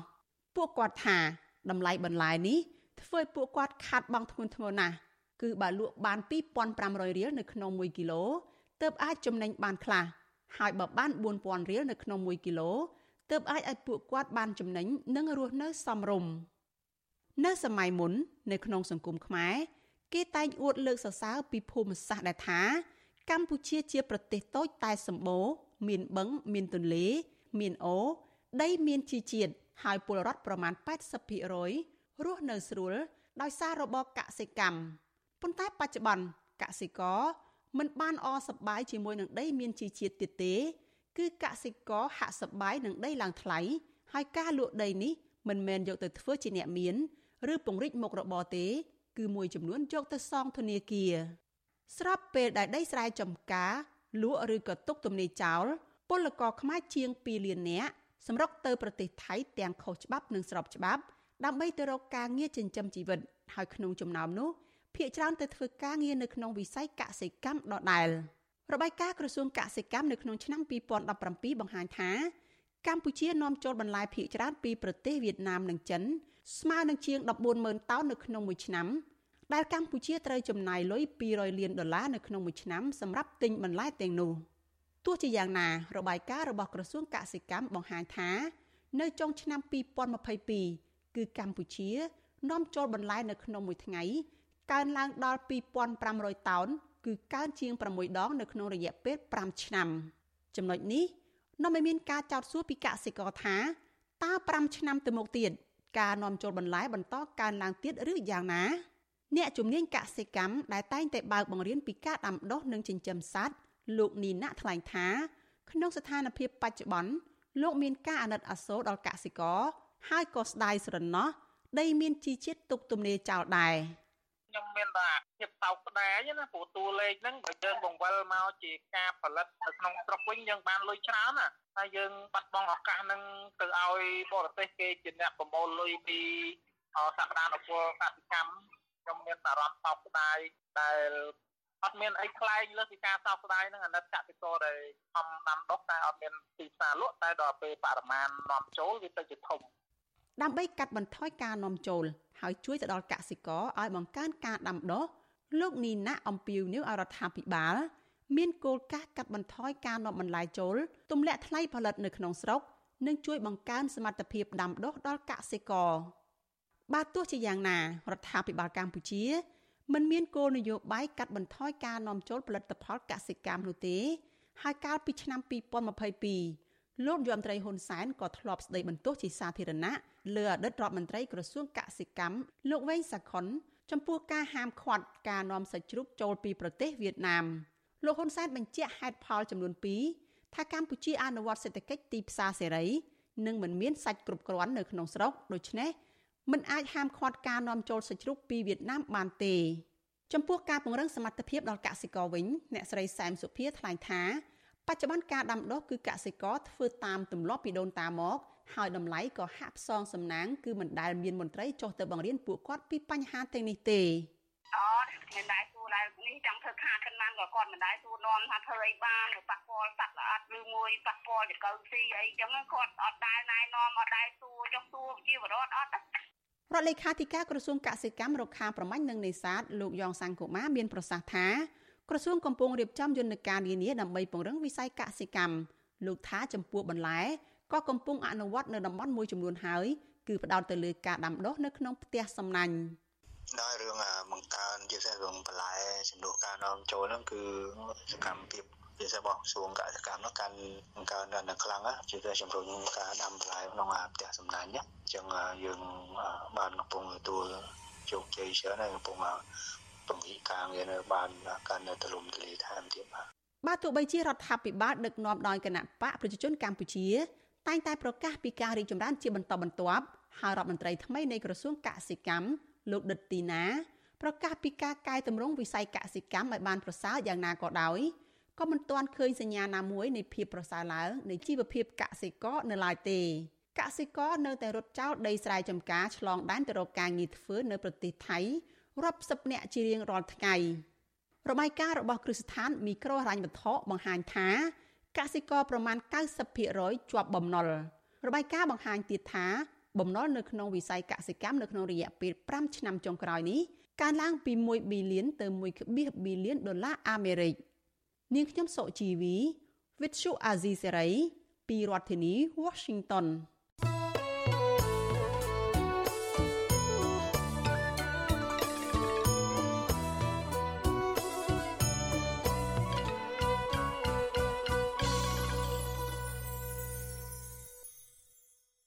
បាទលោកនៅនាងជាទីមត្រីសហគមន៍ព្រៃនប់ខកចិត្តអាញាធរខេបសេនុដែលមិនអើពើដោះស្រាយវិវាទដីធ្លីរបស់បរដ្ឋបណ្ដាបណ្ដាក្រុមហ៊ុនឯកជនឈូសឆាយផ្ទះរបស់បរដ្ឋជាច្រើនខ្នងការលើកឡើងនេះបន្ទាប់ពីក្រុមហ៊ុន Ever Fortune Real Estate បានឈូសឆាយផ្ទះជាង600ខ្នងទាំងកំរោលដើម្បីសាងសង់ជាសួនលំហែដែលមិនមានអាជ្ញាធរទប់ស្កាត់ទេបាទពីរដ្ឋធានីវ៉ាស៊ីនតោនលោកលេីម៉ាលីរាយការណ៍ព័ត៌មាននេះប្រជាសហគមន៍រស់នៅភូមិអូតាសេក និងភូមិអូតប៉ាងឃុំអូអុកញ៉ាហេងស្រុកព្រៃនប់ខេត្តព្រះសីហនុត្អូញត្អែពីជីវភាពខ្វះខាតនិងប្រឈមការធ្វើចំណាក់ស្រុកដោយពលរដ្ឋ800គ្រួសារស្នើសុំកិច្ចអន្តរាគមន៍ពីអភិបាលខេត្តជាច្រើនដងប៉ុន្តែមិនទទួលបានដំណោះស្រាយពលរដ្ឋចោទថាក្រុមហ៊ុន Ever Fortune Real Estate ដែលមានថៅកែឈ្មោះកែបមង្គល បានរំលោភយកដីពួកគាត់ជាង300ហិកតាតំណាងពលរដ្ឋលោកស្រីសុកសុភីបអះអាងថា ក្រោយពេលពួកគាត់យកលិខិតស្នើសុំកិច្ចអន្តរាគមន៍ដាក់ទៅអភិបាលខេត្តព្រះសីហនុលោកគួចចម្រើនកាលពីថ្ងៃទី27ខែមករារួចមក ខាងខេត្តមិនទាន់មានដំណោះស្រាយហើយថែមទាំងចាប់តំណាងសហគមន៍3នាក់ដាក់ពន្ធនាគារទៀតផងចំណែកឯខាងក្រុមហ៊ុនចោតពលរដ្ឋថារំលោភលើដីក្រុមហ៊ុន ហើយក៏បានយកត្រាក់ទ័រឈូសផ្ទះប្រជាពលរដ្ឋអស់ជាង600ខ្នងធ្វើឲ្យពលរដ្ឋខ្លះស្រែកយំរហូតដល់សន្លប់និងខ្លះទៀតធ្លាក់ខ្លួនឈឺសម្រាកនៅមន្ទីរពេទ្យ កាលពីដើមខែមករាតំណាងសហគមន៍លោកសុកច័ន្ទរិទ្ធជាប់ពន្ធនាគារនៅខេត្តព្រះសីហនុនិងប្រជាពលរដ្ឋ150គ្រួសារទៀតជាប់បណ្ដឹងនៅតុលាការពីបទក្លែងឯកសាររំលោភយកដីក្រុមហ៊ុន ការចោទប្រកាន់នេះធ្វើឡើងបន្ទាប់ពីពួកគាត់តវ៉ាទាមទារដីនោះមកវិញតំណាងពលរដ្ឋលោកស្រីសុកសុភាប្រាប់វិទ្យុអស៊ីសេរីនៅថ្ងៃទី26កុម្ភៈថាលោកស្រីរស់នៅលើដីនេះជាង20ឆ្នាំមកហើយ លោកស្រីបន្តថាចាប់តាំងពីគេចាប់ប្តីលោកស្រីដាក់ពន្ធនាគារនិងបាត់បង់ដីអស់លោកស្រីធ្លាក់ខ្លួនឈឺដោយសារពិបាកចិត្តខ្ញុំសុំថាឲ្យតែលើកលែងអ្នកដែលជាប់ពន្ធនាគារទាំងអស់ឲ្យរួចពីទោសផុតផុតពីគុកផុតពីទោសមកថាទោះបីថាយើងមានភូមិទល់ជាប់ក្រុមហ៊ុននេះទោះបីសូមឲ្យក្រុមហ៊ុនហ្នឹងបែងចែកឲ្យប្រជាពលរដ្ឋហ្នឹងអ្នកតិចតួចមកកុំឲ្យថាអ្នកខ្លះអត់អត់មែនលោកសុកច័ន្ទរិទ្ធដែលជាអតីតមន្ត្រីយោធា ធ្លាប់ជាប់ពន្ធនាគារម្ដងរួចហើយកាលពីចន្លោះឆ្នាំ2018ដល់ឆ្នាំ2021ដោយជាប់ចោទពីបទក្លែងឯកសាររំលោភយកដីក្រុមហ៊ុនដីទំនាស់នោះមានទំហំជាង300ហិកតាហើយពលរដ្ឋបានកាន់កាប់ចន្លោះពីឆ្នាំ2004ដល់ឆ្នាំ2015ដែលមួយគ្រួសារមានដីទំហំចន្លោះពី1ហិកតាទៅ2ហិកតាស្រដៀងគ្នានេះដែរតំណាងសហគមន៍ព្រៃនប់លោកស្រីសាយស្រីនាងរៀបរាប់ទាំងអស់សង្ឃឹមថាផ្ទះនិងដីដែលលោកស្រីខិតខំរកប្រាក់ដើម្បីសាងសង់ស្ទើរមួយជីវិតពេលនេះត្រូវបានក្រុមហ៊ុនរំលោភយកធ្វើឲ្យលោកស្រីខ្វះខាតជីវភាពនិងគ្មានទីជម្រកលោកស្រីបញ្ជាក់ថាក្រុមហ៊ុនបានផ្ដល់សំណងឲ្យម្នាក់1លានរៀលនិងអ្នកខ្លះទៀត4លានរៀលហើយមានអ្នកខ្លះបង្ខំចិត្តធ្វើចំណាក់ស្រុកទៅប្រទេសថៃដើម្បីរកប្រាក់ផ្គត់ផ្គង់ជីវភាពនិងសងបំណុលធនាគារ ពួកខ្ញុំចូលនៅដំបងអឺឃើញផ្លាកសមាគមចាស់ចរិយាតាមានឃើញផ្លាកក្រុមហ៊ុនអីទេហើយផ្លូវពិបាកចង់ងាប់ហ្នឹងមានផ្លូវធំអីបានផ្លូវធំអីយ៉ាងណាដល់ពេលដល់មានផ្លូវធំផ្លូវអីទៅបានថាមានក្រុមហ៊ុនគេចូលមកហ្នឹងហើយដើមឈើឡើងប្រប៉ុណ្ណប្រប៉ុណ្ណានៃដើមឈើដល់ពេលដល់ដាំដំណាំដាំអីបានធ្វើផ្ទះអីបាននៅបានក្រុមហ៊ុនគេចូលដោយថាដីក្រុមហ៊ុនវិទ្យុអស៊ីសេរីនៅមិនទាន់អាចតាក់ទងអភិបាលខេត្តលោកគួចចម្រើន និងអ្នកនាំពាក្យក្រសួងដែនដី លោកសេងលូតដើម្បីសាកសួរអំពីរឿងនេះបានទេ នៅថ្ងៃទី26កុម្ភៈដោយសារទូរស័ព្ទហៅចូលពុំមានអ្នកទទួលរីឯថៅកែក្រុមហ៊ុន Ever Fortune Real Estate ឈ្មោះកែបមង្គលក៏វិទ្យុអស៊ីសេរីមិនទាន់អាចតាក់ទងបានដែរទោះជាយ៉ាងណាក្តីកាលពីពេលថ្មីៗនេះរដ្ឋមន្ត្រីក្រសួងមហាផ្ទៃលោកសខេងបានជំរុញអភិបាលខេត្តនានាឲ្យយកចិត្តទុកដាក់ដោះស្រាយបញ្ហាដីធ្លីជូនពលរដ្ឋ លោកសខេងមិនសប្បាយចិត្តចំពោះអភិបាលខេត្តភៀកច្រើនដោយលោកបានស្ដីបន្ទោសខ្លាំងៗថាពួកគេនាំគ្នាសំងំយកតែសុកស្ងាត់ដោយចៅលិចសេះនិងមិនចេញមុខទទួលខុសត្រូវដោះស្រាយទំនាស់ដីធ្លីជូនពលរដ្ឋទោះបីជាមានប្រតិកម្មពីលោកសខេងក្តីក៏អភិបាលខេត្តព្រះសីហនុនៅមិនទាន់ដោះស្រាយវិវាទដីធ្លីជូនពលរដ្ឋនៅឡើយទេ ដែលបញ្ហានេះហាក់កំពុងបំពេញប្រសាសន៍លោកសខេងជុំវិញរឿងនេះ មន្ត្រីសម្របសម្រួលគម្រោងធុរកិច្ចនិងសិទ្ធិមនុស្សរបស់មជ្ឈមណ្ឌលសិទ្ធិមនុស្សកម្ពុជាលោកវ៉ាន់សុផាតយល់ឃើញថាមន្ត្រីមានសមត្ថកិច្ចគួរចុះត្រួតពិនិត្យដីដែលពលរដ្ឋកាន់កាប់នោះឲ្យបានហ្មត់ចត់ដោយមិនគួរណាបណ្ដោយឲ្យពលរដ្ឋរងគ្រោះដីធ្លីទាំងនោះជួបទុក្ខលំបាកបែបនេះទេលោកបន្តថារដ្ឋមានកាតព្វកិច្ចដោះស្រាយវិវាទដីធ្លីជូនពលរដ្ឋនិងត្រូវធានាថាពលរដ្ឋមានសិទ្ធិជាមូលដ្ឋានដែលអាចមានផ្ទះសម្បែងស្នាក់នៅសមរម្យ ទី1រដ្ឋគឺត្រូវមានកាតព្វកិច្ចដើម្បីការពារប្រជាពលរដ្ឋតាមប្រព័ន្ធតឡាការក្តីតាមប្រព័ន្ធក្រៅតឡាការក្តីមានតួនាទីមួយក្នុងការដោះស្រាយហើយនឹងទប់កាត់នៃការរំលោភរបស់អីធុរកិច្ចហ្នឹងក្រុមហ៊ុនហ្នឹងវាគេហៅថាអ្នកធុរកិច្ចណាអ្នករកផលចំណេញណាហ្នឹងរដ្ឋត្រូវមានកាតព្វកិច្ចទាំងទី2ធុរកិច្ចខ្លួនឯងនេះជាពិសេសក្រុមហ៊ុនខ្លួនឯងហ្នឹងគឺត្រូវមានតួនាទីក្នុងការគោរពក្នុងការគោរពមិនគឺគោរពសិទ្ធិមនុស្សរបស់ប្រជាពលរដ្ឋគឺថាត្រូវធ្វើធុរកិច្ចហ្នឹងគឺថាត្រូវតែអនុលោមទៅតាមគោលការណ៍សិទ្ធិមនុស្សជាពិសេសកុំឲ្យប៉ះពាល់ដល់សិទ្ធិរបស់ប្រជាពលរដ្ឋចំនួនដីធ្លីរវាងសហគមន៍ព្រៃនប់និងក្រុមហ៊ុន Ever Fortune Real Estate នេះបានអូសបន្លាយជាង5ឆ្នាំមកហើយគឺតាំងពីឆ្នាំ2019ក្រុមហ៊ុនបានប្តឹងទៅតុលាការទាមទារដីជាង300ហិកតា ដែលមានពលរដ្ឋរស់នៅ800គ្រួសារដើម្បីយកទៅធ្វើជាសួនលំហែក៏ប៉ុន្តែប្រជាពលរដ្ឋអះអាងថា ពួកគាត់រស់នៅលើដីនេះជាយូរឆ្នាំមកហើយ ហើយពួកគាត់ទាមទារដល់អាជ្ញាធរពាក់ព័ន្ធឲ្យជួយធ្វើអន្តរាគមន៍ដោះស្រាយវិវាទដីធ្លីមួយនេះម្ដងហើយម្ដងទៀតក៏ប៉ុន្តែរហូតមកដល់ពេលនេះពួកគាត់នៅមិនទាន់ទទួលបានដំណោះស្រាយនៅឡើយទេខ្ញុំបាទលេងម៉ាលីវិទ្យុអេស៊ីសេរីពីរដ្ឋធានី Washington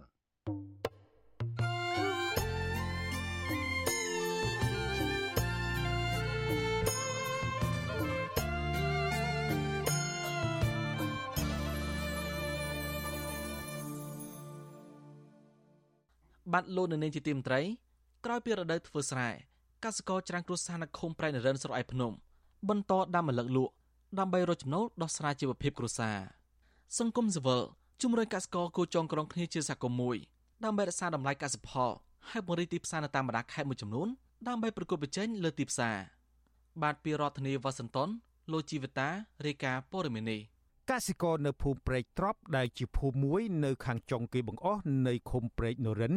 បន្តដាំឪឡឹកលក់ដើម្បីជីវភាព បន្ទាប់ពីរបរធ្វើស្រែនិងនេសាទពួកគាត់ឲ្យដឹងថាបើទោះជាតម្លៃទីផ្សារឪឡឹកគ្មានស្ថិរភាព ម្ដងឡើងម្ដងចុះក្តីក៏ពួកគាត់នៅតែបន្តដំណាំមួយនេះព្រោះជាដំណាំងាយស្រួលដាំនិងមានរយៈពេលខ្លីក្នុងការទទួលផលកសិករនៅភូមិព្រែកត្រប់លោកសាំងសុកសាន ប្រាប់វិទ្យុអាស៊ីសេរីថា បច្ចុប្បន្ន នៅសល់តែភូមិព្រៃទ្របមួយប៉ុណ្ណោះនៅក្នុងស្រុកឯកភ្នំដែលមានកសិករនៅដាំឪឡឹកលោកបន្តថាឪឡឹកឆ្នាំនេះមានតម្លៃល្អនិងទីផ្សារទូលាយជាងឆ្នាំមុនព្រោះទិន្នផលឪឡឹកឆ្នាំនេះមិនសូវសម្បូរឡើយឪឡឹកដែលកសិករនៅភូមិព្រៃទ្របនិយមដាំ គឺពូជឪឡឹកក្រហមឬពូជកាត់តាណា ដែលមានរសជាតិផ្អែមរាងមូលទ្រវែងឆ្នោតខ្មៅសម្បកស្ដើងក្របតិច និងមានទម្ងន់ជាមធ្យមពី2គីឡូក្រាមកន្លះទៅ3គីឡូក្រាមក្នុងមួយផ្លែ។ ពីមុនកសិករដូចថា100%អីស្គាល់ថា10នាក់គេដាំស្រូវវិញអញ្ចឹងព្រោះអីគេដាំមកលើកទៅវាឯងតែថោកដល់អញ្ចឹងទៅគេបកមុខរបរដាំស្រូវវិញវាថោកដោយសារអញ្ចេះទេទីផ្សារដល់តែនាំចូលពីក្រៅច្រើនពេកដូចថាកសិករស្រុកឯកភ្នំភូមិព្រៃព្រៃទ្របអីនេះនេះបាក់តេះអីនេះគេដល់តែបកមុខរបរដាំបន្លែទៅច្រើនទៅលក់ទីផ្សារថ្លៃបានតែ2 3ថ្ងៃនាំចូលមកពីយូនពីថៃនោះបាត់ឪលឹកជាផ្លែឈើសម្បូរជាតិទឹក និងជីវជាតិល្អល្អសម្រាប់ទ្រទ្រង់សុខភាពមនុស្សគ្រប់វ័យជាពិសេសទទួលទានល្អបំផុតនៅក្នុងរដូវក្តៅកសិករនៅភូមិព្រែកត្រប់ចាប់ផ្ដើមដាំឪឡឹកនៅពាក់កណ្ដាលខែមករាក្រោយពីប្រមូលផលស្រូវរដូវវស្សានិងរដូវប្រាំងហើយអាចទទួលផលក្នុងចន្លោះពី2ខែទៅ3ខែកន្លះអាស្រ័យលើពូជបច្ចេកទេស ការរៀបចំដី ការថែទាំទឹក និងជីជាដើម។ កសិករនៅភូមិព្រែកត្រប់ឲ្យដឹងថាឪឡឹករបស់ពួកគាត់មានរសជាតិផ្អែមហើយធំនិងលូតលាស់បានល្អព្រោះដីនៅទីនោះគឺជាដីដែលមានជីជាតិដោយសារទឹកជំនន់នាំជីល្បាប់មកជាមួយ ដែលធ្វើឲ្យដំណាំលូតលាស់បានល្អស្រដៀងគ្នានេះដែរកសិករភូមិព្រែកត្រប់ម្នាក់ទៀតគឺលោកម៉ាប់វិបុលឲ្យដឹងថាឪឡឹកឆ្នាំនេះទទួលបានទាំងទិន្នផលនិងតម្លៃល្អជាងឆ្នាំមុន ក៏ប៉ុន្តែលោកនិងកសិករដទៃទៀតក៏ចំណាយថ្លៃដើមច្រើនជាងឆ្នាំមុនដែរដោយសារភ្លៀងធ្លាក់ខុសរដូវកាលពីពាក់កណ្ដាលខែមករាបានបំផ្លាញដើមឪឡឹកទាំងស្រុង ហើយកសិករត្រូវភ្ជួរដីដាំសារជាថ្មី លោកបញ្ជាក់ថា ការដាំឪឡឹកត្រូវចំណាយថ្លៃដើមប្រហែល1500ដុល្លារក្នុង1ហិកតានិងលក់ទៅឲ្យឈ្មួញកណ្ដាលក្នុងតម្លៃ12លានរៀលឬ3000ដុល្លារក្នុង1ហិកតាអាស្រ័យលើតម្លៃទីផ្សារ លោកបញ្យលបន្ថែមថាឪឡឹកជាដំណាំដែលត្រូវការថែទាំខ្ពស់និងត្រូវការដីដែលមានជីជាតិល្អហើយជាទូទៅឪឡឹកត្រូវការសីតុណ្ហភាពក្តៅហប់ដើម្បីលូតលាស់បានល្អវាភាកច្រើនវាចឹងដែរហើយនឹងឈ្មួញគ្រាណាគេទិញស្រុកលើមកចឹងទៅវាថ្លៃដល់ពេលស្រុកលើអស់ចាប់ដើមអស់ឈ្មួញតាចាប់ដើមមកទិញគឺវាឲ្យថោកតម្លៃយើងថោកដែរយើងយកលក់ខ្លួនឯងយើងចំណេញវាច្រើន នៅតាមផ្សារនិងទីប្រជុំជនផ្សេងផ្សេងជាពិសេសនៅតាមផ្សារក្នុងក្រុងបាត់ដំបងអាជីវករមួយចំនួនលក់ឪឡឹកដោយចម្រាញ់យកតែផ្លែណាដែលមានទំហំធំ និងគុណភាពល្អហើយខ្លះទៀតលក់ជាជំរើសតាមការចង់បានរបស់អតិថិជន ជាទូទៅ ចំពោះផ្លែឪឡឹកដែលធំល្អឈ្មួញទិញពីកសិករក្នុងមួយផ្លែ មានតម្លៃចន្លោះពី1500រៀលទៅ2000រៀលក្នុងមួយផ្លែ និងលក់ទៅវិញពីចន្លោះ4000រៀលទៅ5000រៀលកសិករខ្លះដឹកផ្លែឪឡឹកតាមគោយន្តកន្ត្រៃយកមកលក់ផ្ទាល់នៅតាមផ្សារនិងទីប្រជុំជននានាដើម្បីទទួលបានផលចំណេញដោយផ្ទាល់ខ្លួនឯងជាជាងលក់ទៅឲ្យឈ្មួញកណ្ដាលកសិករអាចរកចំណូលបានពីការប្រមូលផលផ្លែឪឡឹកបានប្រហែលពី1000ដុល្លារទៅ4000ដុល្លារក្នុងមួយឆ្នាំអាស្រ័យលើទំហំដីនិងការឲ្យផល ជំទប់ទី2នៃឃុំព្រែកនរិនមកពីគណៈបកភ្លើងទៀនលោកសុកសុភ័ក្រឲ្យដឹងថាពលរដ្ឋនៅឃុំព្រែកនរិនភៀកច្រើនបានបោះបង់មុខរបរដាំឪឡឹកនេះជាបន្តបន្ទាប់ដោយសារមិនសូវទទួលបានផលចំណេញហើយបច្ចុប្បន្ននេះមានតែភូមិព្រែកទ្របមួយប៉ុណ្ណោះដែលមានកសិករដាំផ្លែឪឡឹកច្រើនជាងគេទោះជាយ៉ាងណា លោកបញ្ជាក់ថាលោកក៏មានគម្រោងស្នើទៅអាជ្ញាធរថ្នាក់លើ ដើម្បីបង្កើតគណៈកម្មការជួយដល់កសិករដែរ ដើម្បីជំរុញឲ្យកសិករចងក្រងជាបណ្ដាញដើម្បីពង្រីកទីផ្សារបន្ថែមដោយឡែកគណៈកម្មការជួយគាត់គង់ឬជួយសេដ្ឋកិច្ចជួយបញ្យល់ដល់កសិករប្រេងរិនហ្នឹងអត់មានទេគម្រោងបង្កើតគណៈកម្មការយើងត្រូវដឹងថាទី1តម្រូវការទីផ្សារហ្នឹងស្អីហើយយើងត្រូវដឹងទីផ្សារនៅក្នុងស្រុកខ្មែរទី1ទី2ត្រូវការថវិកាក្រមថវិកាជុំវិញរឿងនេះ អ្នកសម្របសម្រួលផ្នែកឃ្លាំមើលការរំលោភសិទ្ធិមនុស្សនៃអង្គការលីកាដូប្រចាំខេត្តបាត់ដំបងលោកអិនគង់ចិត្តជំរុញឲ្យកសិករចងក្រងគ្នាជាសហគមន៍មួយដើម្បីរក្សាតម្លៃកសិផល និងពង្រីកទីផ្សារនៅតាមបណ្ដាខេត្តមួយចំនួន ជាពិសេសពង្រឹងគុណភាពកសិផល ដើម្បីប្រកួតប្រជែងលើទីផ្សារទន្ទឹមគ្នានេះលោកស្នើដល់អាជ្ញាធរថាគួរតែសិក្សាដើម្បីបង្កើតគណៈកម្មការសម្រាប់ជួយដល់កសិករទៅលើបច្ចេកទេស និងទីផ្សារ ដោយបង្កើតផ្សារសហគមន៍សម្រាប់ឲ្យកសិករដាក់តាំងបង្ហាញផលិតផលកសិកម្មដោយផ្ទាល់ដល់អតិថិជន។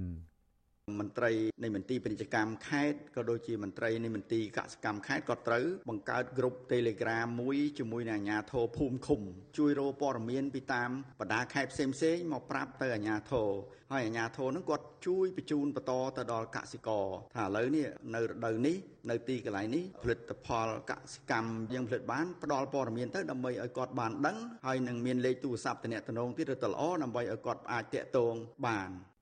ប្រជាសហគមន៍ដែលប្រកបរបរដាំដំណាំ ស្នើដល់អាជ្ញាធរខេត្តបាត់ដំបងជួយបង្កើតផ្សារកសិផល ដើម្បីឲ្យកសិករយកផលិតផលរបស់ខ្លួនលក់ដោយផ្ទាល់ដើម្បីបញ្ជៀសការទម្លាក់តម្លៃពីឈ្មួញកណ្ដាលនិងជួយឲ្យពួកគេយល់កាន់តែច្បាស់ពីតម្រូវការរបស់អតិថិជនខ្ញុំជីវិតាអាស៊ីសេរី thank you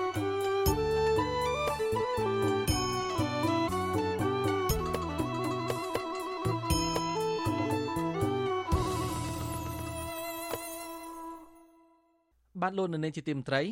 ក្រុមនិស្សិតមួយចំនួនលើកឡើងដោយដូចគ្នាថានាយករដ្ឋមន្ត្រីហ៊ុនសែនមិនគួរយកពិធីចែកសញ្ញាបត្រឲ្យនិស្សិតដើម្បីកេងចំណេញនយោបាយនោះទេការលើកឡើងបែបនេះដោយសារលោកហ៊ុនសែនតែងចំណាយពេលវេលាជាញឹកញាប់ចោះចែកសញ្ញាបត្រដល់និស្សិតដែលបញ្ចប់ការសិក្សាតាមសាកលវិទ្យាល័យនានា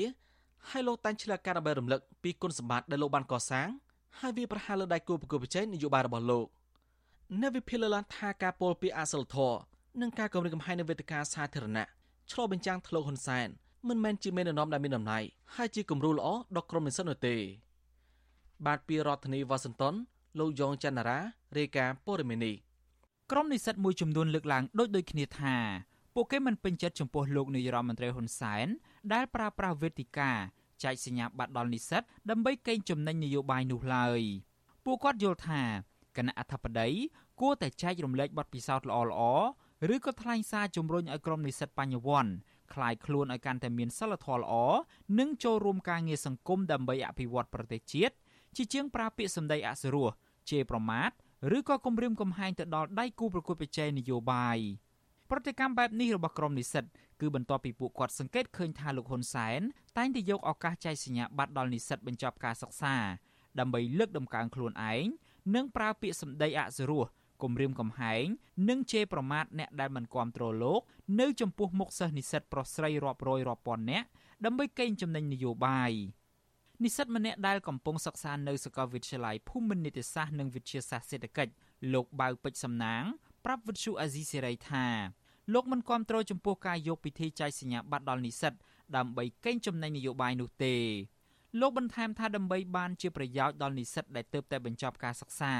លោកនាយរដ្ឋមន្ត្រីហ៊ុនសែនគួរតែផ្ដល់វេទិកានេះដល់និស្សិតរៀមច្បងដើម្បីចែករំលែកបទពិសោធន៍ជោគជ័យនៅក្នុងការសិក្សានិងការងារជាជាងយកឱកាសនេះដើម្បីឃោសនារកការគ្រប់គ្រងផ្នែកនយោបាយពីក្រុមនិស្សិតឬមួយក៏ដើម្បីបញ្ចេញកំហឹងរបស់ខ្លួន។ គួរតែផ្ដល់អនុសាសន៍ឬក៏ប្រាប់ពីវិធីសាស្ត្រនៅក្នុងការធ្វើគំរូល្អដល់យុវជនក៏ដូចជាពលរដ្ឋมันគួរទេមានការហែកហួរគ្នានឹងគួរគួរតែផ្ដល់នីតិវិធីឬក៏យុទ្ធសាស្ត្រអីពាក់ព័ន្ធជាមួយនឹងការនិយាយគ្នារកដំណោះស្រាយឲ្យមានប្រយោជន៍ជាតិយុវនិស្សិតម្នាក់ទៀតដែលកំពុងសិក្សានៅសាកលវិទ្យាល័យភូមិន្ទភ្នំពេញលោកគុយចត្រាប្រាប់វិទ្យុអាស៊ីសេរីថាដើម្បីលើកកម្ពស់ស្មារតីជាតិនិយមនិងជាការផ្ដល់កិត្តិយសដល់និស្សិត ប្រមុខរដ្ឋាភិបាលគួរតែផ្ដល់ឱកាសដល់អង្គព្រះមហាក្សត្រឲ្យធ្វើជាអ្នកចែកសញ្ញាបត្រទើបជារឿងត្រឹមត្រូវលោកបន្ថែមថាអង្គព្រះមហាក្សត្រមិនមែនត្រឹមតែជាបុគ្គលឯករាជ្យនោះទេប៉ុន្តែព្រះអង្គក៏ជាព្រះប្រមុខរដ្ឋដែលតំណាងឲ្យសាមគ្គីភាព និងប្រកបទៅដោយគុណធម៌ខ្ពង់ខ្ពស់ផងដែរ បើធៀបមើលទៅនឹងប្រទេសថៃគឺនាយករដ្ឋមន្ត្រីគឺមិនមានទេសកម្មភាពបែបនេះគឺគេស្វែងជូនទៅកាន់ព្រះមហាក្សត្រវិញដើម្បីឲ្យលោកបានធ្វើបែបនេះព្រោះព្រះអង្គលោកអព្យាក្រឹតហើយលោកមិនពាក់ព័ន្ធនឹងនយោបាយចឹងលោកធ្វើបែបនេះគឺអាចធ្វើបានគិតត្រឹមរយៈពេល2ខែចុងក្រោយនេះលោកនាយរដ្ឋមន្ត្រីហ៊ុនសែនបានធ្វើជាគណៈអធិបតីនៅក្នុងពិធីចែកសញ្ញាបត្រទាំងសាកលវិទ្យាល័យរដ្ឋនិងឯកជនចំនួន4ដងដោយមានអ្នកចូលរួមជានិស្សិតបញ្ចប់ការសិក្សា និងបញ្ញវន្តជិត20000នាក់ ក៏ប៉ុន្តែស្ទើរតែគ្រប់ពិធីចែកសញ្ញាបត្រដល់និស្សិតថ្នាក់ឧត្តមសិក្សាបរោះខ្លាំងខាងប្រើអំពើហិង្សានិងគំរាមកំហែងរូបនេះតែងតែមានទម្លាប់និយាយរឿងផ្ទាល់ខ្លួន និងវាយប្រហារក្រុមអ្នកមិនគាំទ្រការដឹកនាំរបស់លោកជាជាងផ្ដោតការយកចិត្តទុកដាក់ទៅលើបញ្ញវន្តដែលកំពុងអង្គុយនៅពីមុខលោកពាក្យពេចន៍អ្វីក៏លោកហ៊ុនសែនអាចនិយាយចេញមកបានដែរមិនថាជាភាសាអាមឹងជេរប្រមាថឬក៏គំរាមកំហែងដល់អាយុជីវិតអ្នកដទៃក៏ដោយចោះ ពាក្យសម្ដីមួយចំនួនដែលលោកហ៊ុនសែនតែងតែនិយាយជាសាធារណៈនោះមានភាពក្រូតក្រៀតខ្លាំងដែលសំបីតែនៅក្នុងកិច្ចសន្ទនាឯកជនក៏មនុស្សធម្មតាមួយចំនួនសឹងតែមិនហ៊ាននិយាយចេញមុខផងជាទូទៅក្រោយពីចំណាយពេលវេលានិយាយរាប់ម៉ោងតែម្នាក់ឯងហើយនោះលោកហ៊ុនសែនបានផ្ដល់ប្រាក់ឧបត្ថម្ភទៅដល់និស្សិតនិងគ្រូដែលចូលរួមនៅក្នុងពិធីនេះចាប់ពី50000រៀលទៅ100000រៀលនៅក្នុងម្នាក់ម្នាក់ជាក់ស្ដែងកាលពីថ្ងៃទី24ខែកុម្ភៈថ្មីថ្មីនេះ លោកហ៊ុនសែនបានចំណាយពេលវេលាជាច្រើននៅក្នុងពិធីចែកសញ្ញាបត្រដល់និស្សិតសាកលវិទ្យាល័យភូមិន្ទភ្នំពេញដើម្បីវាយប្រហារទៅលើអ្នកអត្ថាធិប្បាយបញ្ហាសង្គមនិងនយោបាយនៅលើបណ្ដាញសង្គម Facebook គឺលោកសូនតារាទោះជាយ៉ាងណានិស្សិតភិកច្រើនដែលមានវត្តមាននៅទីនោះហាក់មិនពេញចិត្តនៅក្នុងការស្ដាប់ពាក្យសម្ដីអសិលធម៌របស់លោកហ៊ុនសែនឡើយក្រុមនិស្សិតភិកច្រើនបានចុចទូរស័ព្ទនិងមិនយកចិត្តទុកដាក់ស្ដាប់ពេលលោកហ៊ុនសែនថ្លែងសន្ទរកថានោះទេ ជុំវិញរឿងនេះមន្ត្រីកម្មវិធីស្រាវជ្រាវនឹងតស៊ូមតិនៃសមាគមបណ្ដាញយុវជនកម្ពុជា លោកហេងកំហុងយល់ថាលោកហ៊ុនសែនគួរតែប្រព្រឹត្តអេរយាប័តល្អនៅក្នុងពិធីចែកសញ្ញាបត្រដល់និស្សិតដើម្បីឲ្យពួកគេយកជាគំរូជាជាងពោលពាក្យសម្ដីអសុរោះឬក៏ពាក្យជេរប្រមាថដែលនាំឲ្យបែកបាក់ជាតិ។ ការចែកសញ្ញាបត្រខ្ញុំយល់ថាគួរតែជាបន្ទុករបស់សាលានីមួយៗរៀបចំជាមួយនឹងព្រឹទ្ធបរិះស្របជាការរបស់ខ្លួនដើម្បីកាត់បន្ថយការចំណាយរបស់ជាតិហើយសម្រាប់កម្រិតផ្សេងផ្សេងរួមមានកម្រិតបរិញ្ញាបត្រជាន់ខ្ពស់ពីដើមគឺបើសិនជាមានវត្តមានអង្គព្រះមហាក្សត្រលោកមានឱកាសនៅក្នុងការចូលរួមចែកសញ្ញាបត្រគឺកាន់តែល្អប្រសើរដើម្បីឲ្យព្រះមហាក្សត្រលោកមានឱកាសដល់កម្រិតយោបល់ដល់ប្រជាពលរដ្ឋរបស់ព្រះអង្គជាពិសេសក្រមបញ្ញវន្តដើម្បីចូលរួមកសាងជាតិចូលរួមពង្រឹងនៅការអភិវឌ្ឍជាតិមួយដែលមានភាពថ្លៃថ្នូរខ្ពង់ខ្ពស់តាក់ទងទៅនឹងរឿងនេះដែរអ្នកវិភាគនយោបាយលោកកឹមសុខថ្លែងថាការយកពេលវេលាជានាយករដ្ឋមន្ត្រីដើម្បីចែកសញ្ញាបត្រដល់និស្សិតច្រើនហួសហេតុដូចនេះឆ្លុះបញ្ចាំងពីកំសោយនៃការងាររបស់លោកហ៊ុនសែនលោកថាលោកហ៊ុនសែនគួរតែចំណាយពេលវេលាត្រួតពិនិត្យនិងវិតម្លៃពីចំណុចខ្វះខាតរបស់រដ្ឋមន្ត្រីមួយមួយដើម្បីបំពេញតម្រូវការរបស់ប្រជាពលរដ្ឋជាជាងយកពេលវេលាជេរប្រមាថនៅមុខនិស្សិតបញ្ញវន្តដែលធ្វើឲ្យខ្លួនឯង បាត់បង់តម្លៃក្នុងនាមជាមេដឹកនាំកម្ពុជារបស់ជាតិ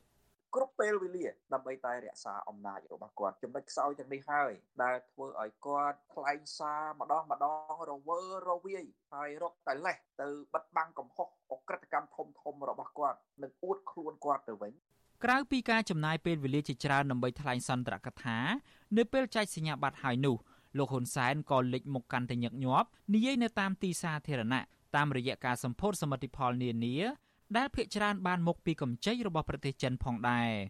ក៏ប៉ុន្តែសន្ទរកថារបស់លោកហ៊ុនសែនត្រូវបានគេកត់សម្គាល់ថាมันមានអ្វីខុសប្លែកពីគ្នានោះឡើយដោយលោកបានចំណាយពេលវេលាជាច្រើនដើម្បីរំលឹកពីអតីតកាលដោយបានប្រៀបធៀបការរីកចម្រើននៅក្នុងពេលបច្ចុប្បន្នទៅនឹងរបបខ្មែរក្រហមឬមួយក៏លោក បញ្ចេញកំហឹងគំរាមកំហែងទៅលើអ្នកដែលមាននិន្នាការប្រឆាំងនឹងរូបលោកអ្នកវិភាគនយោបាយលើកឡើងថា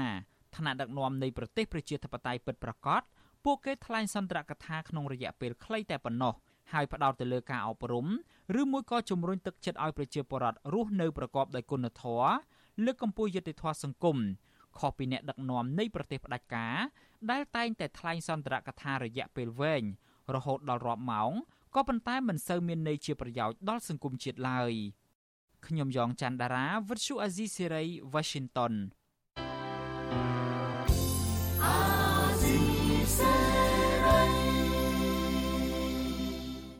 បានលោកនាងកញ្ញាអ្នកស្ដាប់វិទ្យុអេស៊ីសរ៉ៃជាទីមេត្រីការផ្សាយរយៈពេល1ម៉ោងនៃវិទ្យុអេស៊ីសរ៉ៃនៅពេលនេះចប់តែប៉ុណ្ណេះយើងខ្ញុំសូមជូនពរដល់លោកនាងព្រមទាំងក្រុមគ្រួសារទាំងអស់ឲ្យជួបប្រកបតែនឹងសេចក្តីសុខចម្រើនរុងរឿងកុំបីឃ្លៀងឃ្លាតឡើយខ្ញុំបាទសនចាររថាព្រមទាំងក្រុមការងារទាំងអស់នៃវិទ្យុអេស៊ីសរ៉ៃសូមអគុណនិងសូមជម្រាបលា